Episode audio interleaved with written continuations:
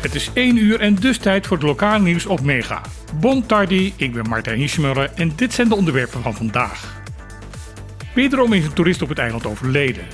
Dit keer was het een cruisepassagier die bij de duikplek Aquarius aan het snorkelen was.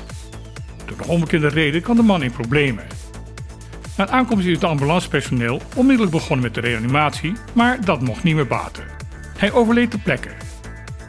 Met dit incident lijkt de trend van vorig jaar, bij diverse keren snorkelaars en duikers om zijn gekomen, te worden voortgezet.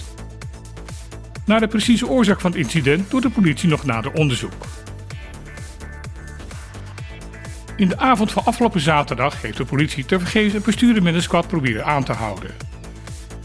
Omstreeks 10 uur in de avond werd de bestuurder op de Kai International betrapt bij het maken van een gevaarlijke bidie met zijn voertuig. Toen de politie hem probeerde aan te houden, ging de bestuurder er vandoor nadat hij de verlicht van de squad had uitgezet. De patrouille zette daarop de achtervolging in, maar moest voor de veiligheid enige afstand houden terwijl de squad op hoge snelheid diverse auto's inhaalde. Uiteindelijk verloren de agenten daardoor de bestuurder met zijn voertuig uit het oog. Na een grondige zoekactie werd de vierwielige motor wel teruggevonden, maar niet de berijder. BirdLife Conservation Aruba wil dat de overheid van het eiland een diepgaand onderzoek gaat doen naar de impact van het massale toerisme op de natuur, milieu, cultuur en de sociale samenhang op Aruba. Volgens voorzitter Greg Peterson maakt de organisatie zich ernstig zorgen over de duurzame ontwikkeling en het welzijn van de Arubaanse gemeenschap. Peterson benadrukt in zijn brief dat het huidige toerismemodel met zijn ongebreidelde groei op de lange termijn onhoudbaar zal zijn. Daarom moet er nu al onderzocht gaan worden wat daarvoor in de plaats moet gaan komen.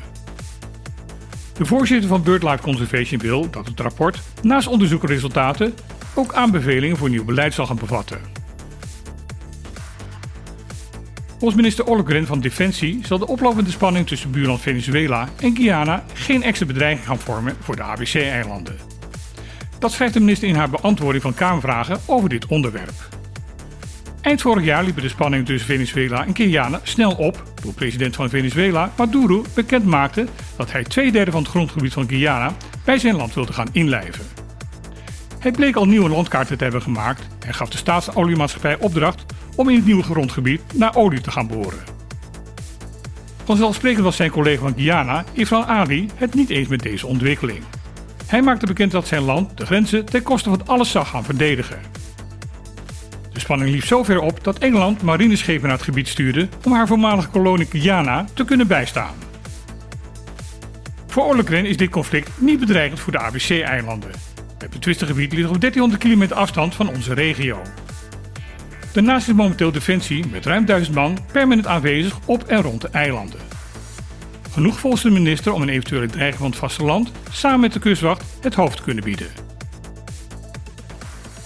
Dit was weer het lokale nieuws van vandaag op Mega.